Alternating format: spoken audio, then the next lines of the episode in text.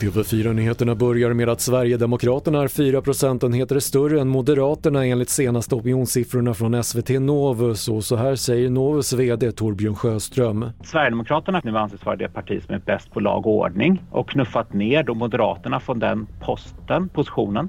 Det här är en väldigt aktuell fråga, lag och ordning eh, och där har Sverigedemokraterna, om man nu ska liksom raljera lite, ännu inte gjort bort sig.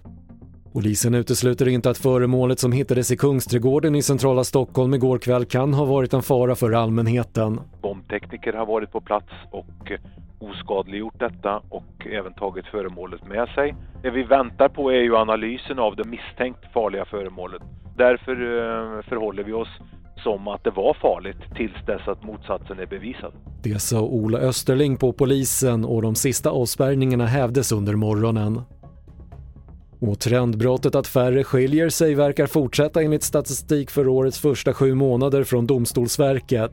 En anledning tros vara ekonomiska svårigheter såsom pandemin, kriget i Ukraina och höga räntor som gjort att många skjuter upp livsavgörande beslut. Fler nyheter hittar du på TV4.se. Jag heter Patrik Lindström.